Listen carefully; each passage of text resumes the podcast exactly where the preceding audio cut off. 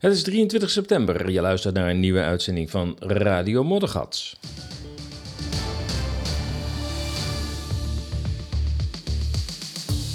Ja, Radio Moddergat, we zijn weer terug na zes weken. Er is geen ander medicijn tegen misleiding en manipulatie dan de waarheid. Radio Moddergat, de vrije podcast radio van ezas.nl, werpt een ander licht op het voorgeschreven narratief. Twee wekelijks met berichten over bizarre tijden. Mijn naam is Paul de Bruin en ik neem je mee langs opmerkelijke ontwikkelingen van de afgelopen weken. In deze uitzending de volgende onderwerpen. De onzinnige QR-pas zal dit najaar samen met de gasprijzen de horeca en de cultuursector definitief uitschakelen.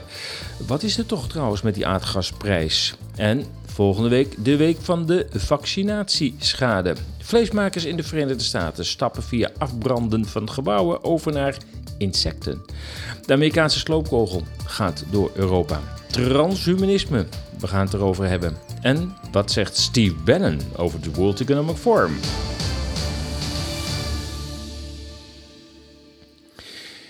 Ja, alweer zes weken geleden realiseer ik me nu, ik geloof dat het uh, ergens uh, medio augustus was, dat we de laatste uitzending van Radio Moddergat hadden. En uh, nou ja, ik ben even in die tijd op vakantie geweest, niet zes weken hoor, overigens was het maar waar. Op ieder geval wel twee weken heerlijk naar een land van rust en ruimte, zou je kunnen zeggen, Noorwegen. Ik kan het je zeker aanbevelen, zeker omdat er een, uh, een nieuwe bootverbinding uh, is, een rechtstreekse bootverbinding, sinds april uh, dit jaar, tussen de Eemshaven en Christiansand in, in Noorwegen. Ga je om drie uur middags weg uit Eemshaven en dan ben je de volgende ochtend om uh, 9 uur in uh, Christiansand in Noorwegen. En andersom is het ook precies dezelfde tijden. Drie uur weg uit Christiansand en de volgende ochtend om 9 uur, half tien, ben je dan weer in, in de Eemshaven. Ik kan niet anders zeggen dan dat het je aanraden. ik bedoel, het scheelt een hoop rijden. Het scheelt ook een hoop gedoe, omdat je dan niet door Duitsland hoeft. Hè. Als je daar nu even in een wegrestaurant onderweg een kopje koffie wilt drinken, dan moet de mondkap weer op. Dus het, ja, dat is nog steeds, vind ik zelf, een, een tamelijk onprettig land. Ik weet niet hoe het hier in het najaar gaat overigens, maar ik heb het even over dit moment. En ehm, ja, je komt, je komt gewoon uitgerust aan. Even ervan uitgaan dat de zee rustig is, want die was op de terugweg alleszins rustig. Was windkracht 8 en ehm, ja, dan uh, ligt ook, ook, terwijl het toch een groot schip is, maar dan ligt dat schip toch ook echt niet meer uh, stil. Ja, rustige ruimte. Uh, ik hoorde meer mensen die naar Noorwegen waren geweest. En sommigen ook ehm, met andere bedoelingen dan vakantie. Ook om gewoon eens te kijken van, zou dat een land kunnen zijn om je te vestigen? Ehm, en ik heb zelf ook even gekeken van, ja, wat zijn nou eigenlijk de voorwaarden om um, in, in dat land uh, toegelaten te worden. En die zijn nou niet bepaald erg strikt. Uh, belangrijkste voorwaarde is wel, en dat lijkt me ook alleszins redelijk, dat je in je eigen levensonderhoud kunt uh, voorzien. En niet een aanspraak wil doen op de, op de revenue van de Noorse olievoorraad. Ik heb, ik heb me laten vertellen dat als eh, kinderen acht, de 18 jaar bereiken, dat ze een uh, behoorlijk bedrag van de staat op hun rekening bijgeschreven kregen uit de, uit de olieopbrengsten. Ja, nou daar kom je dus in ieder geval niet voor na. Ik laat dat duidelijk zijn. Ja, verder is, verder is de huisvesting best wel goedkoop daar. Um, ik heb er huizen zien staan van uh, 200 tot 250.000 euro. En dan praat je over bijna allemaal vrijstaande huizen bijna ook allemaal van hout. Hout is natuurlijk ja, dat is rijkelijk voorhanden in Noorwegen. Dus een goedkoop bouwmateriaal.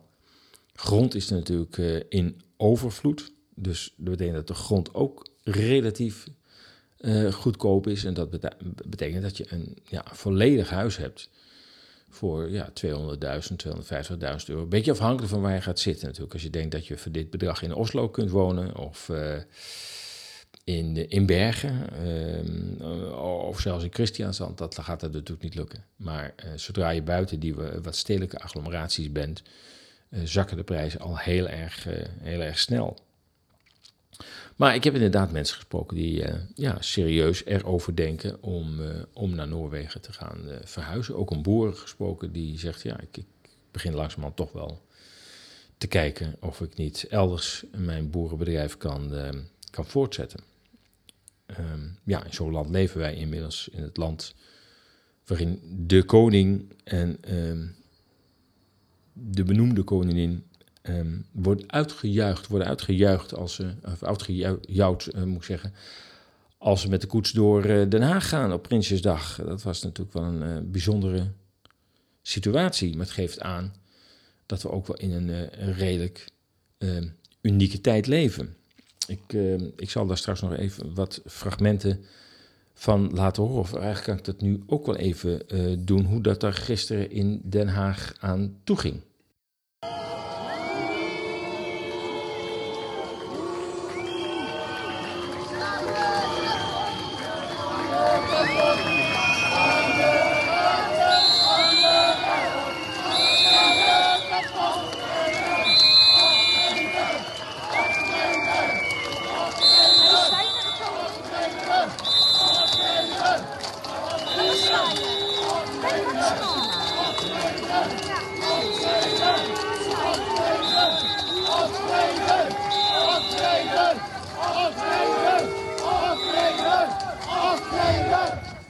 Ja, dat is uh, ja, toch uh, erg ongebruikelijk uh, in Nederland. het Koningshuis staat in ieder geval in het openbaar domein altijd een beetje buiten dit soort directe politieke spanningen.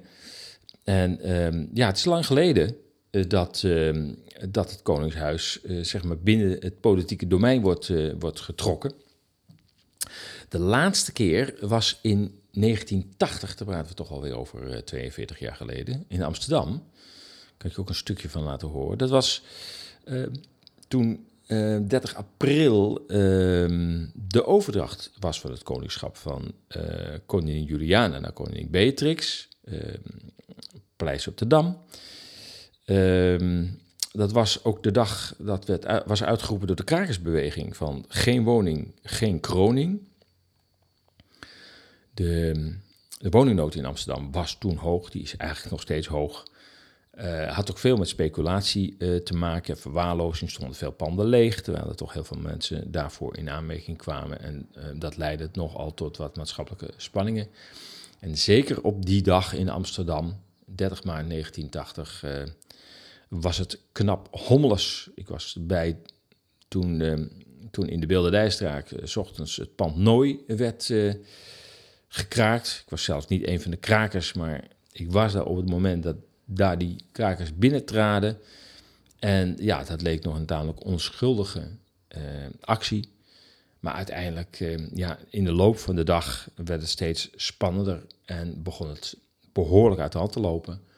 Uh, ik kan me nog herinneren dat ik een winkel invluchtte om de bakstenen die aan de overkant naar de ME-wagens werd gegooid, om die te ontwijken. Want ja, tussen de ME-wagens, die in kolonnen door de straten raceden, zat natuurlijk ruimte. Dus af en toe verdween er een baksteen naar de verkeerde kant van de weg. Um, dus uh, ja, dat, waren, dat, dat, was best wel een hele spannende dag. Uiteindelijk leidde het ertoe dat uh, half uh, Nederland, de Nederlandse politie, naar Amsterdam werd gedirigeerd. Ik geloof dat uiteindelijk aan het eind van de dag 7000 man mobiele eenheid in Amsterdam was verzameld om uh, de rust enigszins te herstellen. Dat is niet helemaal gelukt. Het is op een gegeven moment gewoon uitgeblust. Maar het Koningshuis kreeg er ook duidelijk mee uh, te maken. En dat was op het moment dat uh, ja, koningin Juliana een toespraakje wilde houden op het balkon van het paleis op de Dam.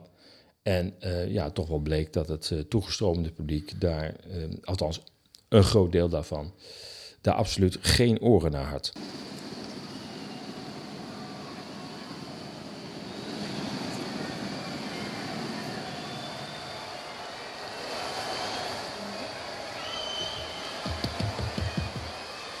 Juliane tikt op de microfoon om stilte te krijgen. Regen van oranje papier. Gezwaai met de bloemen. Enthousiasme, vlaggetjes. En prinses Zojuist Zojuist heb ik afstand gedaan van de regering. Ik stel u hier Beatrix voor, uw nieuwe koningin. Ik ben blij mijn taak aan haar over te dragen. Want ik komt in goede handen. Evenmin als ik zelf destijds... Um, evenmin als ik zelf destijds... heeft zij om deze zware opgave gevraagd. Maar hoezeer zij er ook tegenop heeft gezien... zij aanvaardt die innerlijk met volledige toewijding. Ja, nou, met volledige toewijding, dat hebben we ook wel gezien. Maar dat geeft aan dat uh, toen ook op de Dam uh, het Koningshuis werd geconfronteerd met grote onvrede toen in de samenleving. Vooral toen de Amsterdamse samenleving. Als het ging om uh, de schrijnende uh, woningnood, vooral door speculatie. En op dat moment dat zeg maar, op, de Dam het ook onrustig was, was het in de rest van de stad nog veel onrustig. En daar laat je ook een paar geluiden van horen. Ik heb u voor de uitzending verteld van de kraakactie op de hoek van de Bilderdijkstraat en de Kinkerstraat. Ik zal niet alles herhalen wat ik toen vertelde.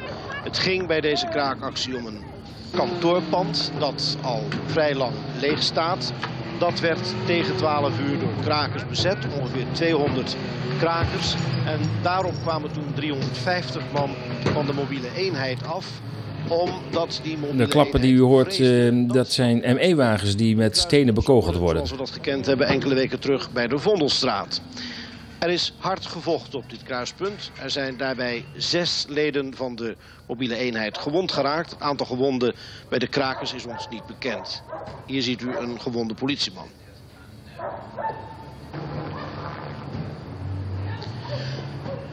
U vraagt zich misschien af waarom we dit opnieuw laten zien. Opnieuw beelden van die rellen hier in Amsterdam. Zo'n 1700 meter van de Dam verwijderd. We laten dit opnieuw zien omdat we nu pas begonnen zijn met de Eurovisie-uitzending.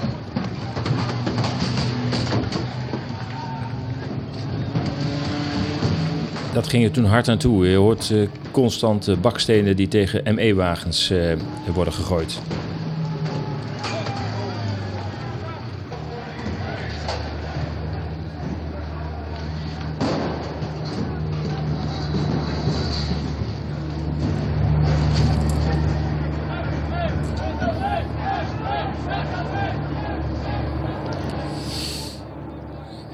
Ja, dat was toen een, uh, ja, hoe gek het ook klinkt, toch een redelijk lokaal gebeuren. Die emoties liepen in Amsterdam vooral heel erg uh, hoog op, omdat daar de woningnood uh, in ieder geval waarschijnlijk ja, het meest zichtbaar was.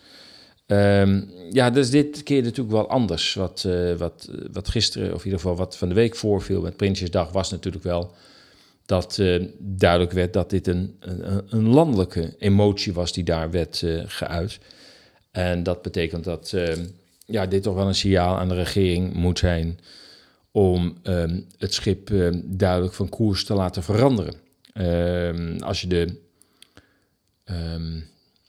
de toespraak hebt gehoord van Willem-Alexander, de, de troonrede, dan ja, dan kun je niet anders constateren dat er een regering zit die zoiets heeft van ja, ja, ja, ik snap ook dat jullie het moeilijk hebben, maar we kunnen daar toch niet zo heel veel aan doen. En vooral, we willen er ook niet zo heel veel aan doen. En ik denk dat dat een stap in de, in de escalatie uh, is. Het zegt ook iets over de koning, vind ik. Kijk, hij, hij schrijft natuurlijk niet zelf die troonrede. Hij moet hem wel voorlezen.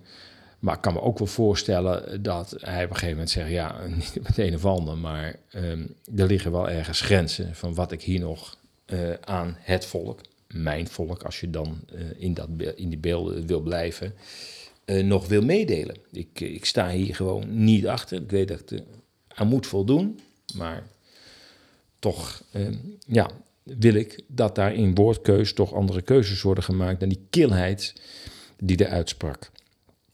Nou ja, de voorlaatste keer, de, de, de, de, dat is alweer een hele tijd geleden, eh, was natuurlijk 10 maart 1966. toen ook in Amsterdam de trouwdag plaatsvond van Beatrix en Klaus en er een, een rookbom afging. Nou ja, we, we zijn daar toch met de geschiedenis bezig. Laten we dat ook nog even horen. Dat was Amsterdam op de 10 maart 1966. In die rookwolk verdween de traditie dat feesten rond ons koninklijk gezin een vriendelijk, gepast uitbundig en duidelijk oranje gekleurd karakter hadden. Ten tonele kwam een onvriendelijke trek die voorlopig geen andere kleur aannam dan grauw, rookgrauw.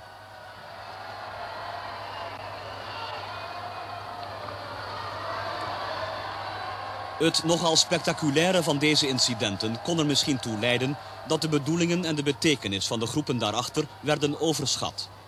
In elk geval had de sympathie voor het jonge bruidspaar veruit de overhand.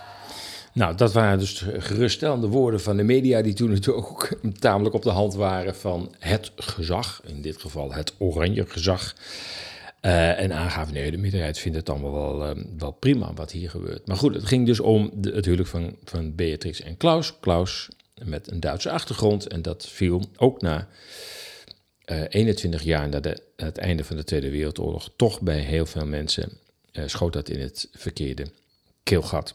Dus zo zijn er drie momenten waarop het Koningshuis zeg maar in de vuurlinie kwam te liggen. En ehm, ja, de meest recente was dus afgelopen uh, week met, uh, met Prinsjesdag. Ja, ik, ik kan niet anders zeggen dat uh, het kabinet hier toch lering uit moet, uh, moet trekken. Wil het maatschappelijk niet verder gaan ehm, exploderen. Ehm, het kabinet gedraagt zich als een, als een autocratisch oorlogskabinet. ja, ze kunnen natuurlijk blijven zitten en, en door blijven gaan met die verschrikkelijke World Economic Forum agenda. om die onverkort uit te voeren, of dan toch maar te de-escaleren door af te treden. En dan na verkiezingen, na verkiezingen, want dat zal zeker een aardverschuiving teweeg brengen, zal een nieuw kabinet moeten aantreden waarvan geen enkel lid banden heeft met het World Economic Forum. Het Economic Forum, het World Economic Forum, dat zelf zegt, Klaus Schwab, wij zijn in heel veel regeringen geïnfiltreerd. En daar was hij ook heel erg uh, trots op ja, het, wordt toch echt de keuze voor dit kabinet tussen het leger op de straat of een luisterend kabinet dat weer de belangen van de Nederlandse bevolking gaat behartigen. Asgrauw werd uh, genoemd, uh, rookgrauw in de reportage uit 1966 toen die rookbom afging in de Raadhuisstraat achter het paleis op de Dam. Maar ik denk dat het woord asgrauw Ehm, ook op de huidige situatie van toepassing is. Want um, we staan er niet goed voor. Het land uh, wordt langzamerhand steeds verder beschadigd. Sommigen zeggen afgebroken. Uh, als je kijkt wat er in, in Europa gebeurt, en vooral de, de motor van uh, Europa en Duitsland, dan kun je niet anders concluderen dat we toch wel een grauwe periode tegemoet gaan. We zien dat de Duitse industrie in toenemende mate de fabrieken moet sluiten. Maar ook, ook bakkers. Bakkers eh, hebben natuurlijk ook heel veel gas nodig. Die het gewoon niet meer trekken omdat hun energierekening van 200.000 euro per jaar naar een miljoen eh, per jaar gaat. Ja, en daar kunnen ze geen broden meer voor, voor bakken. Dat is, dat is duidelijk. Dus de, men verwacht dat ja, heel veel bakkers zullen sluiten, maar ook heel veel fabrieken. Aluminium, staal, nou ja, daar waar heel veel energie voor nodig is om het te produceren. En dan lijkt dat ver weg. En zo, ja, ach ja, dat staal, ja, dat heb ik morgen niet meteen nodig. Nee, dat, dat klopt. Maar je zult je verbazen natuurlijk waar het allemaal wel voor nodig is. En dat met enige doorwerking van uh, enkele maanden, misschien door een half jaar, ineens allerlei dingen beginnen stil te vallen. Waarvan je denkt, oh ja, daar hadden we toch inderdaad staal voor nodig, of aluminium of andere zware producten. En dan begint ehm, ja, de zaak nog verder af te takelen. Het is, een, het, is een, het is een bizarre tijd en vooral een tijd die we over onszelf hebben afgeroepen. Je kunt natuurlijk ook zeggen, ja, um, die financiële reset, die moest er komen. De, ja, er is gewoon zo, te veel gespeculeerd met geld. Er zijn te veel grote partijen die uh, gegraaid hebben door met geld geld te maken. Dat is onproductieve wijze van geld verdienen. Je doet niks voor de samenleving, je produceert niks, niemand vraagt naar jouw producten, maar met geld maak je gewoon geld. En dat betekent dat je dus ook weer geld uit de samenleving eh, trekt die eigenlijk in de economie thuis hoort. Het is ook niet voor niks dat de levensstandaard, verschoon als je naar buiten kijkt, denkt, nou het valt nogal mee, maar toch nominaal is de levensstandaard in de westerse wereld sinds de midden jaren 80 niet meer gestegen. Nou, dat kun je niet zeggen van het inkomen van multinationals, van uh, zogenaamde filantropen, uh, van de financiële elite, van de investeringsmaatschappijen. Die hebben zeker financieel niet, uh, niet stilgestaan. Goed, nu we het toch over het najaar hebben. Ja, wat gaat nou de mogelijke herintroductie van die onzinnige QR-pas dit jaar doen in samenhang met de exploderende gasprijzen? Want er wordt dus weer serieus nagedacht over die QR-code. Nou ja, je zou denken van. Nou, we weten dat dat ding niet, uh, niet werkt voor, uh, voor virusbestrijding. En uh, ja, wat, wat, wat wil je dan nog met die QR-pas? Nou ja, het is natuurlijk duidelijk, er, er zit natuurlijk een ander doel achter. Het heeft ook helemaal niks met gezondheidszorg te maken. Men wil gewoon controle krijgen over de bevolking en de voorwaarden kunnen bepalen waaronder de bevolking uh, bepaalde dingen mag doen en bepaalde dingen niet mag doen. En die QR-pas is daar dus noodzakelijk voor. Uh, maar welke wending men er weer aan gaat geven om in het najaar dan eventueel toch weer met die QR-pas te komen, ik, uh, ik ben zeer benieuwd. Maar mocht die er weer komen, ik mag hopen dat dan de meeste restaurants en café, cafés dan echt hun dikke middelvinger opsteken en denken, ja, we gaan niet nog een keer uh, beginnen met die flauwekul. Uh, ja, in combinatie met de hoge gasprijzen die diezelfde horeca en restaurants, hè, uh, hotels moeten betalen, denk je van ja, als die twee samengaan, een van beide is al behoorlijk funest voor de horeca, maar als die twee dingen samengaan, dan denk ik dat, dat, ja, dat de horeca bij witjes om gaat vallen. Dat, ik bedoel, en een hoge aardgasprijs en dan ook nog eens dat je een deel van je klanten verliest omdat die niet meer met een QR-pas naar binnen wil. Onvoorstelbaar. Maar toch is het zo dat de Raad van State dat heeft uh, geadviseerd om uh, toch dat hele repressieve arsenaal aan maatregelen in een permanente wetgeving op te treden. Dus die mondkapjes, de avondklokken, testen voor toegang en dan die QR-code dat is, dat, dat, is natuurlijk een raar spel geweest. Het kabinet stuurt dan een uh, voorstel naar de Raad van State. Daar uh, laten ze dan zogenaamd al die zware maatregelen uit. dan kan het kabinet naar buiten zeggen: Nou ja, wij, voor ons hoeven het niet. En dan hebben ze waarschijnlijk Tom de Graaf van D66 opgebeld. Ik geloof dat hij vicevoorzitter is van de Raad van State. En gezegd: Joh, Tom, zorg jij even dat, het wel, dat jullie het er wel alsnog insleutelen. Zo zal het gegaan zijn, denk ik. En vandaar de onverklaarbare wending uh, die uh, de behandeling in de Raad van State heeft uh, genomen. Maar ja, met de kennis van nu, eigenlijk al van heel veel maanden, is het eigenlijk onverklaarbaar. Hè? ja, tenzij er andere agenda's spelen. En de meesten van ons weten dat dit allemaal niets meer te doen heeft met het bestrijden van een, een virus. Ik denk eerder dat men gewoon niet najaar uh, ja, toch wel ziet dat spanning oplopen. Nou, we hebben dat uh, met uh, Prinsjesdag gezien, dat daar een soort vooraankondiging is, is gedaan door een deel van de bevolking. Dat ze het spuug en spuugzat zijn. Dat ze zien dat, dat ze in het najaar mogelijkwijs het huis niet meer warm kunnen, kunnen stoken. Of dat ze de huur niet meer kunnen betalen.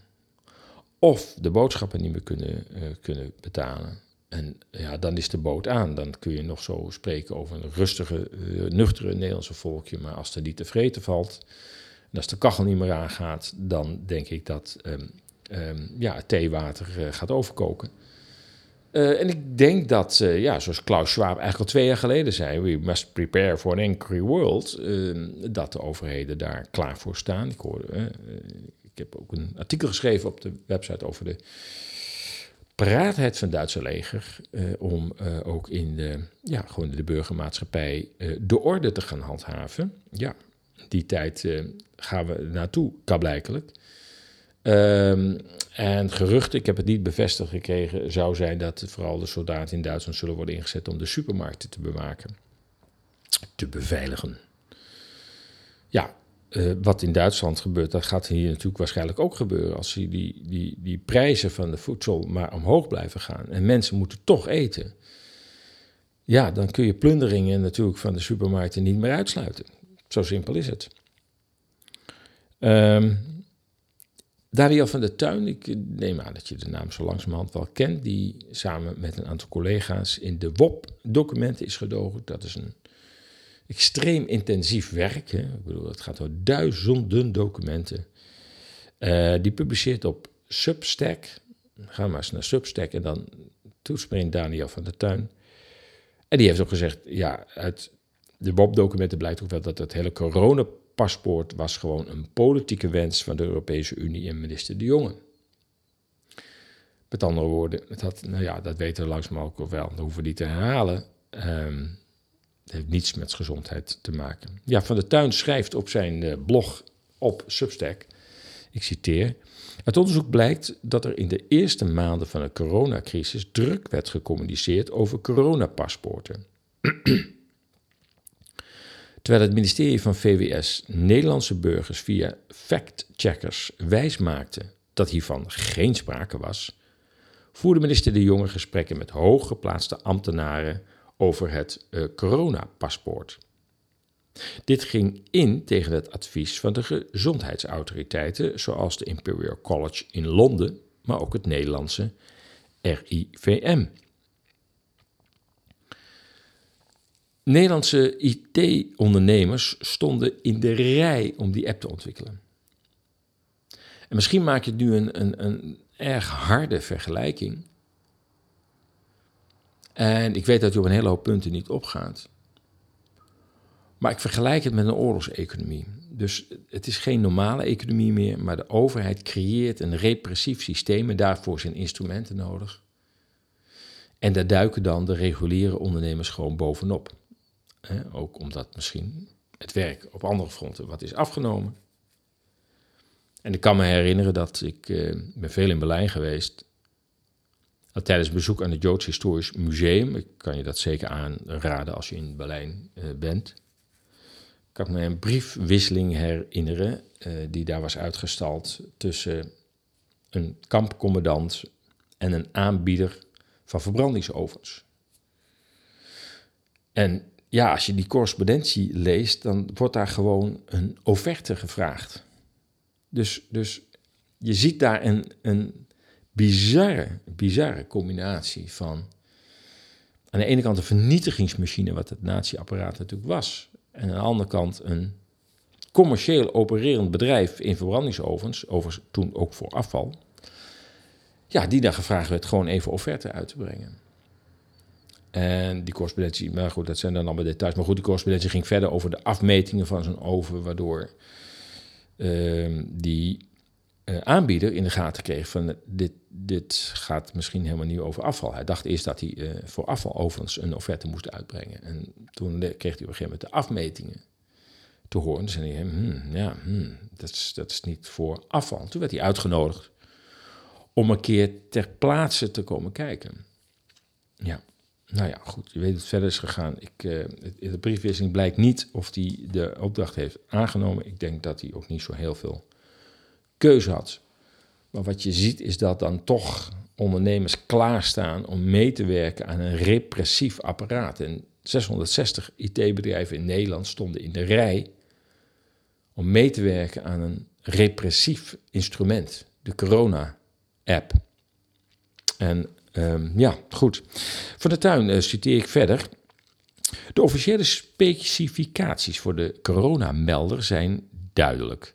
Deze app mag niet uitgroeien tot een coronapaspoort. Zo valt op te maken uit de specificatie van 10 mei 2020. Op dezelfde dag is er echter communicatie tussen de Belastingdienst, een van de ontwikkelaars van de coronamelder, en een externe deskundige die vragen stelt over de wettelijke inbedding van zowel een coronapaspoort als de coronamelder. Een deskundige, waarvan de naam niet bekend is, reikt ook ideeën aan waarmee het Rijk zoveel mogelijk burgers kan aansluiten op corona-apps. Dit moet volgens de adviseur gebeuren door gebruik te maken van framing en in te spelen op de lage IC-capaciteit. De adviseur stelt vast dat er behoefte is voor een nieuw frame voor corona-apps. Omdat het frame uit de lockdown komen uitgewerkt raakt als argument om mensen te beïnvloeden. De citaat uit de WOP-documenten van uh, Daniel van der Tuin. Ik kan je uh, uh, aanraden, zeker, eens naar Substack te gaan van Daniel van der Tuin en daar het hele verhaal te lezen over die ontwikkeling van de corona-app. Over zit ezas.nl ook op, of eigenlijk moet ik zeggen, ezas zit ook sinds kort op Substack, ezas.substack.com als, uh, ja, als schaduwwebsite, gewoon een tweede website. Maar het is op een andere manier ook nog verschillend. Je kunt je daar inschrijven voor um, de nieuwsbrief, maar die komt dan ook elke dag uit. Elke dag. De nieuwsbrief bestaat eigenlijk alleen uit het artikel dat die dag wordt gepubliceerd. En elke ochtend krijg je dus het artikel meteen in je mailbox. dus als je je inschrijft voor de nieuwsbrief op ezas.nl, de hoofdwebsite, krijg je eens per twee weken een nieuwsbrief die ook gekoppeld is aan uh, Radio Moddergat, aan de podcast. Uh, maar als je je abonneert op de ja, nieuwsbrief in feite van uh, ezas.substack.com, dan krijg je elke dag een artikel. Overigens is het maandag tot en met vrijdag in het weekend komen er geen artikelen. Dit is Radio Moddergat, wereldwijd te beluisteren via Soundcloud, Apple Podcast, TuneIn en Spotify. Ja, en wat is er nou aan de hand met die aardgasprijs? Ik weet niet of je de staartjes voorbij hebt zien, uh, zien komen. Maar dat is toch wel een heel rare uh, situatie. Hè? Het staartje van, van um, aardgasprijzen in Europa. En ik zie dat in Nederland per kilowattuur wordt dat nu gerekend. Niet per kuub kan blijven, maar per kilowattuur 28 euro en 31 eurocent. En helemaal onderaan staat um, Hongarije met 2,64 euro. Dat is ongeveer 10% daarvan. En waren wij niet het land met de grootste aardgasvoorraad, nog steeds, van Europa? En waarom hebben we dan zo'n grote, zo hoge aardgasprijs? We leveren ook aan België, maar de Belgische consument betaalt de helft van wat in Nederland wordt uh, betaald. Ik even kijken of dat in het lijstje kan vinden. Ja, 13,71 euro. Dat is minder dan de helft. Echt onvoorstelbaar. Er is wel een verklaring voor. Het heeft een lange aanleiding. Ehm, laat ik zo zeggen, het is niet specifiek alleen voor Nederland, ehm, deze hele situatie. Maar op de een of andere manier spreekt Nederland er in negatieve zin wel heel erg bovenuit. Je moet je realiseren dat die energiemarkt is sinds 2010 een hele speculatieve markt uh, geworden. De prijzen van de Energiecontracten worden dan bepaald op basis van zogenaamde spot markets. Een markt waarbij de energiecontracten kunnen worden verhandeld. En die verhandeling van energiecontracten leidt tot behoorlijke schommelingen in de prijzen. Ja, Ruslands uh, Gazprom heeft zich heel lang verzet tegen deze vorm van liberalisering van de energiemarkt en sloot liever gewoon lange termijn contracten. Dat gaf namelijk zekerheid zowel bij de leverancier als bij de afnemer voor periodes van 5 tot 10 jaar. Maar de EU wilde daar per se vanaf. Die wilde liberalisering. Um, overigens ook onder druk van de Verenigde Staten, want dan kon hij zijn LNG aan Europa gaan leveren. Goed, die tarieven die nu op de sportmarkt uh, worden gerekend zijn een veelvoud van wat Gazprom ons had gerekend uh, voor de lange termijn contracten. En uh, ik las ergens, ik weet niet precies de periode, maar dat uh, over een reeks van jaren, um, eigenlijk misschien wel sinds 2010, de Europese consument 30 miljard te veel heeft betaald voor zijn aardgas, omdat die, die aardgasprijs geliberaliseerd is. Die, die, die aardgasmarkt is geliberaliseerd en heeft tot veel hogere prijzen en niet veel lagere prijzen gegeven. Want je zou zeggen, ja, maar nou goed, als de prijs stijgt, dan treden er meer aanbieders in. Hè? Dat is het klassieke denken rond... Uh, rond marktwerking. Maar je moet je ook realiseren dat uh, er zijn niet zo heel veel leveranciers van aardgas. Hè? Althans, die in grote hoeveelheden kunnen leveren. Dus er komen niet zoveel extra toetreders als die prijs stijgt. Dus die prijs stijgt gewoon door. Uh, dat is wat we nu ook, uh, ook zien. En we zijn nu helemaal afhankelijk van die speculatieve markt. Nou ja, Rusland is na Turkmenistan, hoor je niet veel van, uh, de grootste leverancier van uh, uh, aardgas via een pijplijn aan China. En Gazprom onthulde al eerder dat de levering van Russisch gas via de pijplijn aan China in de eerste helft van 2022 met 63,4% was gestegen. Wat zat er dan achter deze bizarre stijging van Russisch LNG-import? Immers, China, uh, uh, terwijl China meer dan de helft van zijn aardgasverbruik invoert, waarvan ongeveer twee derde in de vorm van LNG. De Chinese vraag naar gas is afgenomen. Want, nou ja, inmiddels zijn iets van 68 grote steden nog steeds in gedeeltelijke of gehele lockdown. Nog steeds.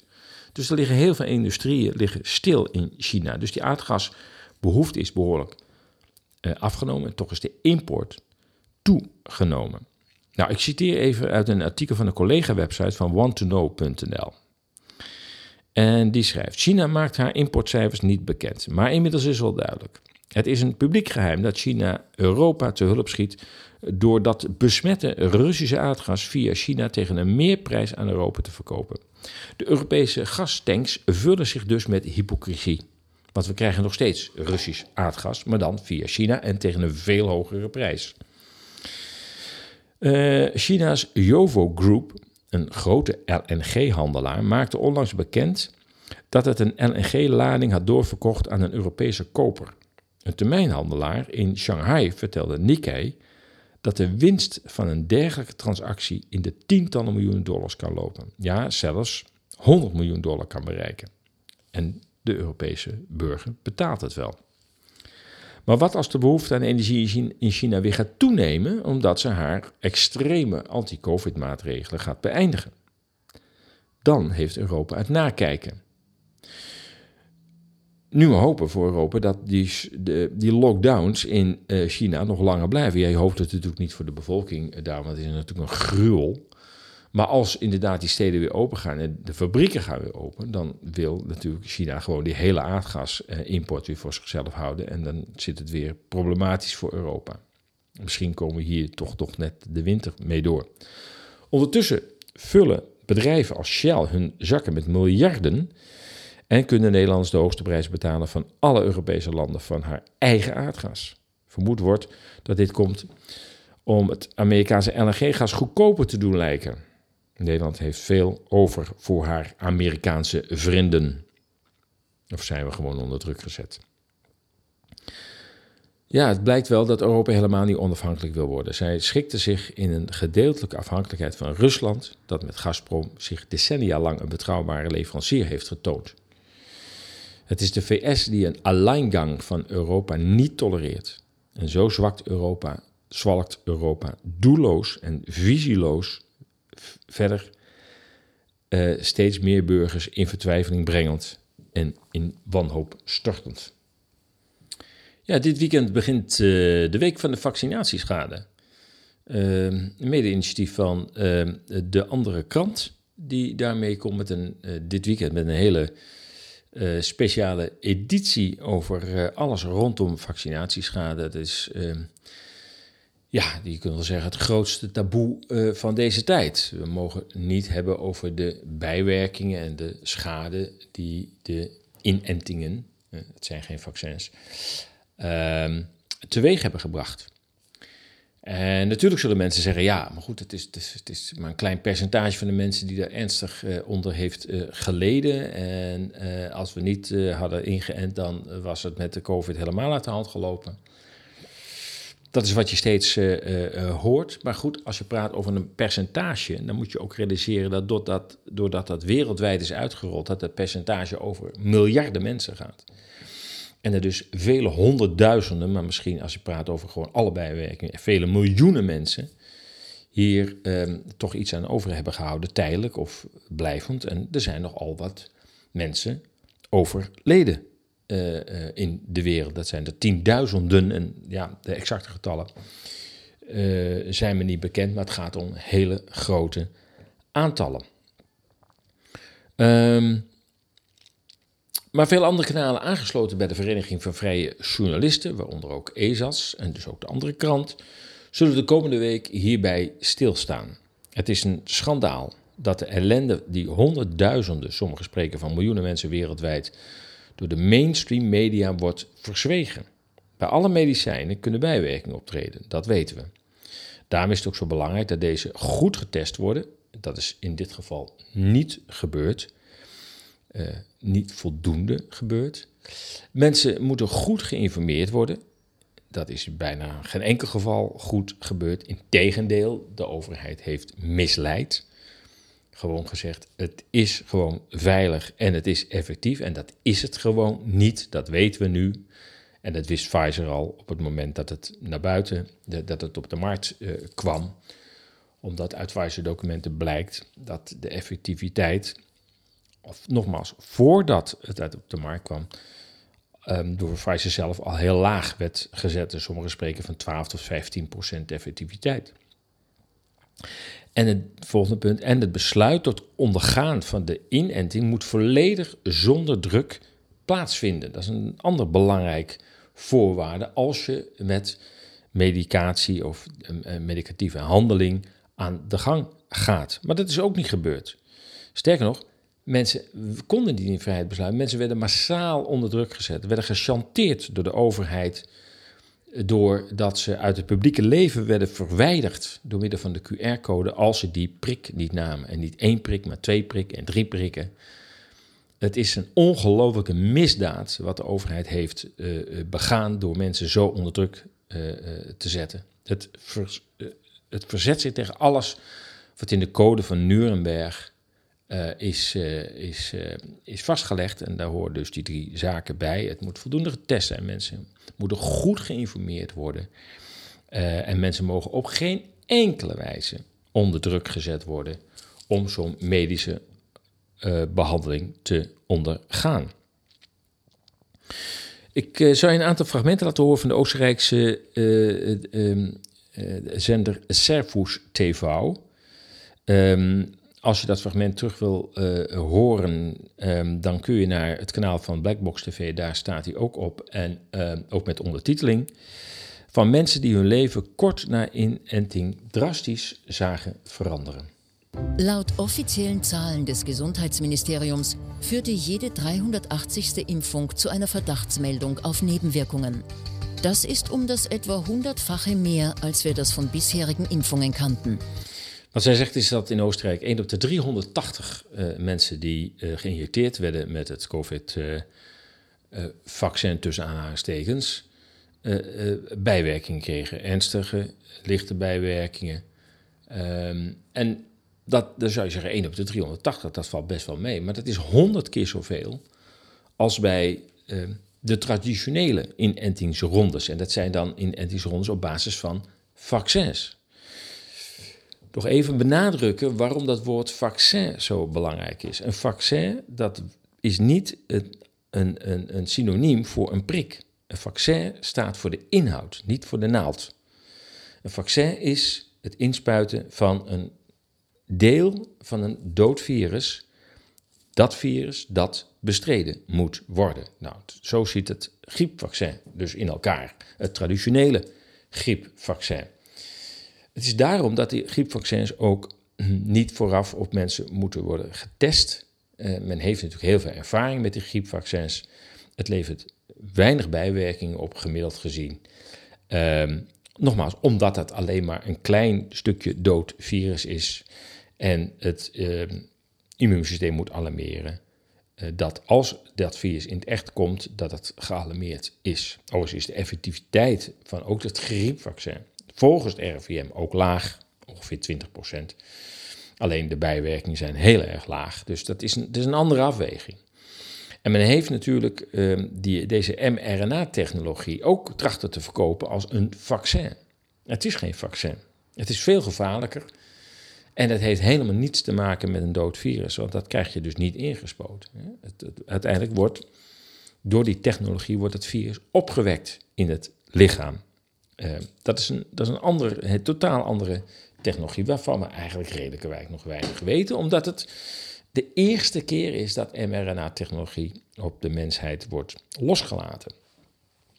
1 op de 380 Nogmaals, klinkt weinig, maar zoals de reporter ook zei, dat is 100 keer zoveel als bij een echt vaccin. Bis Mitte Dezember wurden den österreichischen Behörden insgesamt 218 Todesfälle in zeitlicher Nähe zu einer Corona-Impfung gemeldet. Er war ein totaler Impfbefürworter und deshalb hat er sich schon im Jänner eigentlich einen Termin ausgemacht. Eine Woche später ist er halt gestorben.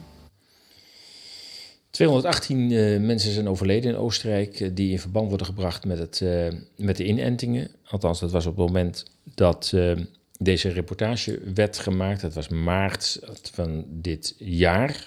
en met de kennis van toen. Het, het zal best kunnen zijn dat dat nu een stuk hoger ligt. en net hoorde je een vrouw die zei: Ja, mijn vader was groot voorstander van de inentingen. Die heeft zich laten inenten, maar overleed kort daarna. Die Analyse der amtlich gemeldeten deutschen Sterbefälle zeigt einen alarmierenden Zusammenhang zu vorangegangenen Impfungen. Wir haben einen Patienten, der am Freitag geimpft wurde und am Samstag tot aufgefunden wurde von seiner Frau. Und das ist mir schon aufgefallen, dass wir durchaus vermehrt, also viele Patienten innerhalb kurzer Zeit ähm, verloren haben. Tja, We hebben ontdekt, zegt iemand van het verpleeghuis, dat we in korte tijd veel mensen verloren hebben na de uh, inentingen. Ja. Het erge is dat, uh, dat dit wetens, dit is, dit is, er is kennis vooraf geweest. Pfizer wist dat er veel doden zouden vallen. Al tijdens de trials, 43.000 mensen hebben daar meegedaan, stierven zo'n 1340 mensen. waarschijnlijk kort na de inenting. Anders worden ze ook als zodanig natuurlijk niet geregistreerd. 1343 op de 40.000. Als je dat op de wereldbevolking uitzet, kun je nagaan over welke getallen we dan vermoedelijk spreken. Het dramatische vind ik zelf dat de Tweede Kamer, dat daar een motie is ingediend van, ja, we zien nogal wat oversterfte. Dat wordt ook niet ontkend. En niet alleen in Nederland, maar ook in andere landen. En dat lijkt gelijke tred te houden met de inentingscampagnes. Zouden we dat niet eens onderzoeken? En het erg is, daar heeft de Tweede Kamer tegen gestemd. De meerderheid wilde geen, wil geen onderzoek. Als je dan nog denkt dat het parlement het beste met ons voor heeft, dan denk je wel erg naïef. En toch zal er ooit een onderzoek moeten komen.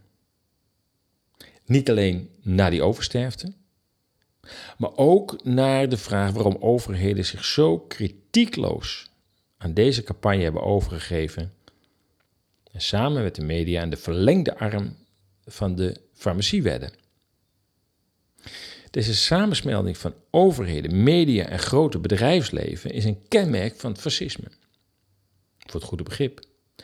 Duitsland was vooral nationaal uh, socialistisch en antisemitisch. Italië was fascistisch en niet antisemitisch. antisemitisch. Ik zeg dat er even bij, omdat als je het woord fascisme gebruikt, iedereen meteen aan Nazi-Duitsland denkt. En dat is onterecht. Het fascisme heerste in Italië. En dat was niet antisemitisch. De Joden werden in Italië beschermd. Dat was ook de reden dat Hitler uiteindelijk Italië binnenviel, omdat hem dat uitermate stoorde aan Mussolini, dat hij niet achter de Joden aanging. Italië was fascistisch en fascisme is een samensmelting van overheid en bedrijfsleven. Dat is een, een van de kenmerken van het fascisme. Nogmaals, hebben we het niet over Nazi-Duitsland. Uh, blijf dat scheiden.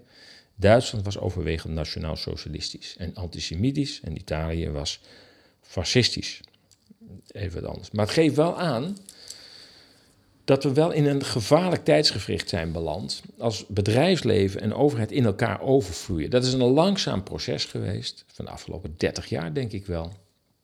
Dat zich ook na zoveel generaties elke keer weer lijkt voor te doen. Waardoor zo'n zo'n overheid op een gegeven moment ook geen eigen C meer heeft, geen eigen kracht meer heeft, geen eigen wil meer heeft. En dus ja, besluit van, oh ja, oversterfte, ja, we zien het wel, maar we willen ook gewoon de oorzaak niet weten.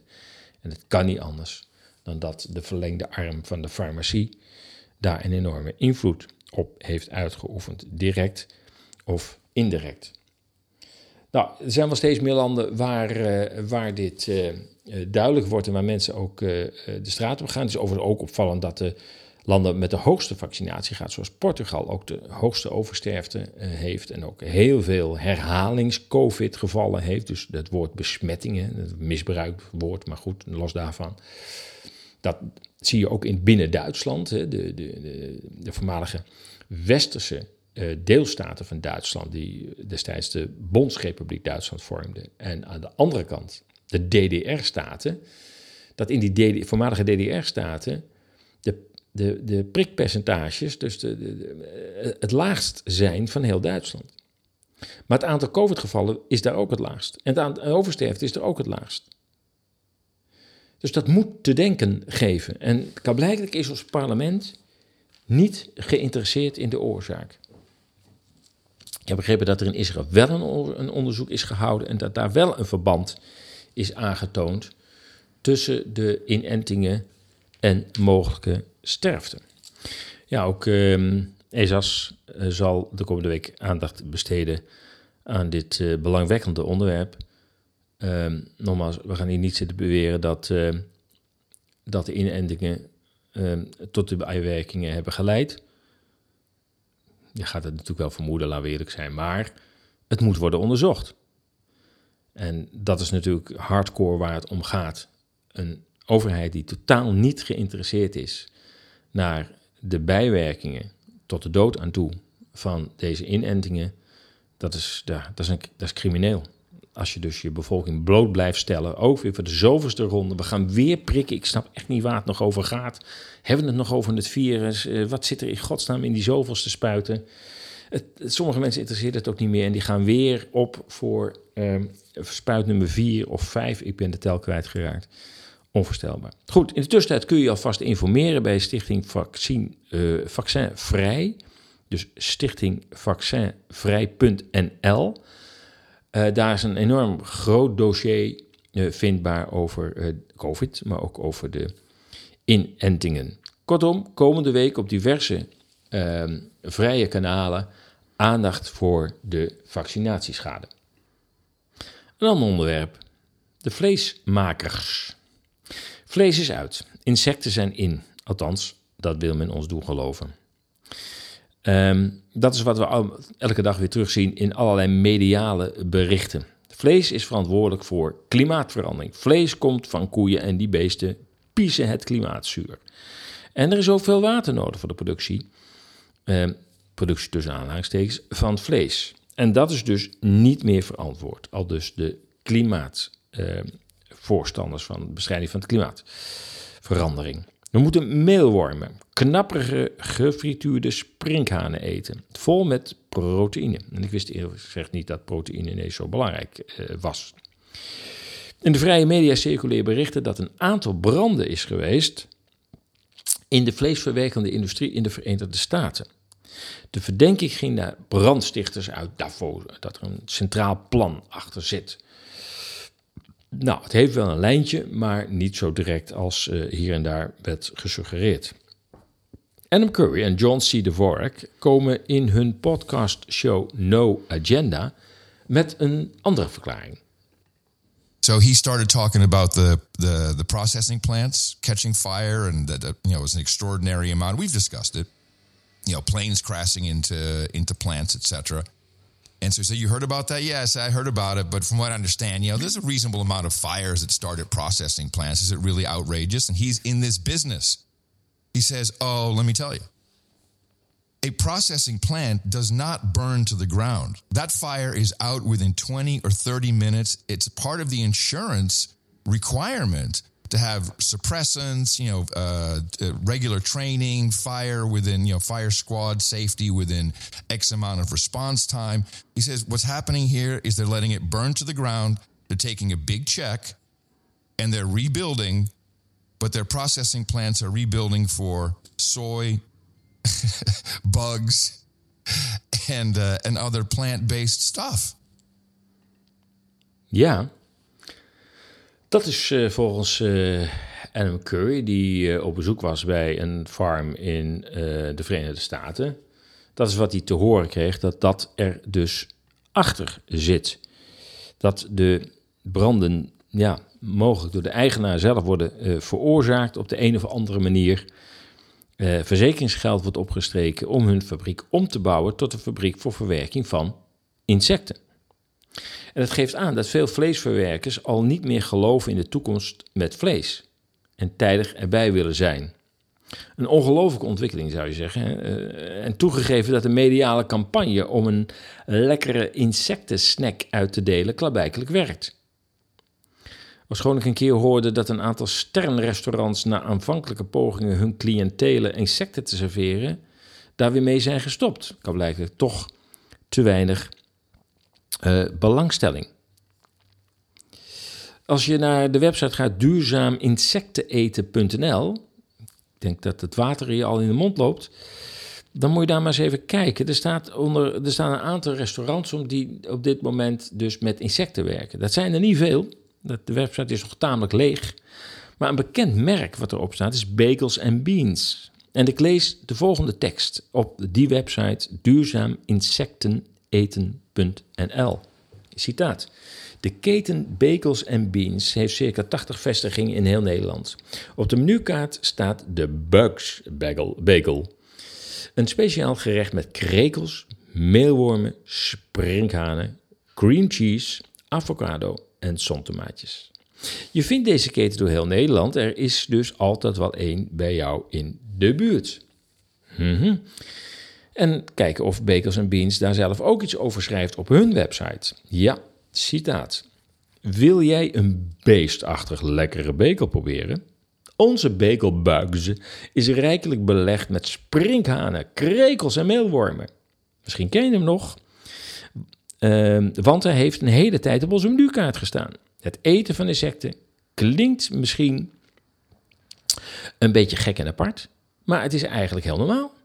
Ongeveer 2 miljard mensen eten dagelijks insecten. Alleen in Europa zijn we nog niet aan gewend. Insecten zijn lekker en gezond. En bovendien zijn ze veel duurzamer dan andere dierlijke eiwitbronnen. Het is dé voedingsbron van de toekomst. Einde citaat van de website bagels en beans. En net zoals met COVID worden we geconfronteerd met een mondiale mediacampagne. Wat te denken van dit uh, videoclipje van de BBC, waarin kinderen het eten van insecten wordt aangepraat. In the future we might have to eat bugs. But why? We're going to see Professor Tilly, who studies people eating insects. But how do you turn something yucky into something yummy? We're gonna find out. Hello. Professor Tilly, why do you eat bugs? We eat bugs because they're a really good way of getting lots of important nutrients and protein into our diet. But they're gross. They're not gross. There are all sorts of different kinds of edible bugs, and they come in all sorts of flavours. Do you think people will eat bugs like you do? I think it's happening now. All around the world, people are eating bugs, and we can even buy them in our supermarkets now. Here are some biscuits that my children made. Ja, het is fijn dat je in ieder geval de beelden niet uh, ziet van de lekkere koekjes met meelwormen. They taste like normal chocolate biscuits. They taste like chocolate digestives. Do children like eating bugs more than adults do? Children are very receptive. They find it quite exciting, whereas a lot of adults just go yuck. Now we're going to go to our school and see if our teachers and our friends will eat the bug biscuits. Ja, zo gaat het videootje nog even verder. Bij de jongeren moet je beginnen, want de ouderen blijkt uit deze video, althans wordt door de professor gezegd, uh, de ouderen zijn er minder ontvankelijk voor dan de jongeren. En vandaar dat de campagne zich ook op jongeren uh, uh, richt. De vraag is overigens of we insecten in ons eten kunnen vermijden. Want als ze ongemerkt in koekjes en snacks worden verwerkt, uh, ja, misschien wordt het wel gewoon niet op de verpakking vermeld. Dus, als, er geen verplichting komt om het op de verpakking te vermelden dat er insecten zijn verwerkt, en misschien ook wel welke insecten, ja, dan, dan zit je misschien zelfs toch een koekje van meelwormen te eten zonder dat je het in de gaten hebt. Nou ja, volgende keer dat je vlinders in je buik voelt, moet je niet uitsluiten dat je ook nog een levende sprinkhaan uh, hebt ingeslikt. Die op zoek is naar de uitgang. Ja, het zit er weer op. We hadden nog een aantal onderwerpen staan, maar die bewaar ik voor de volgende keer over twee weken. Het zit er dus weer op. Deze radiomoddergat van 23 september 2022. Als je deze uitzending hebt gewaardeerd, bezoek dan onze donatiepagina op ezas.nl. De ESAS nieuwsbrief is onmisbaar als je niets van ESAS wilt missen. Ben je nog niet geabonneerd, meld je dan aan via ezas.nl slash ezas-volgen. Verder kun je ons ook volgen via Telegram. Hier vind je ons onder EZAS.nl. Kijk voor meer informatie op onze website. Voor nu wens ik je een heel prettig weekend. Blijf gezond, blijf sterk en tot over twee weken.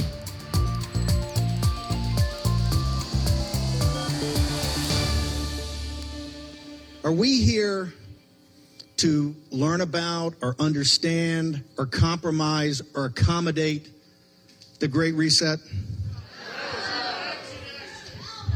We are here to defeat it. I want to hear everybody now. Defeat the Great Reset. Defeat the Great Reset. Get up. Let's go. Defeat the Great Reset.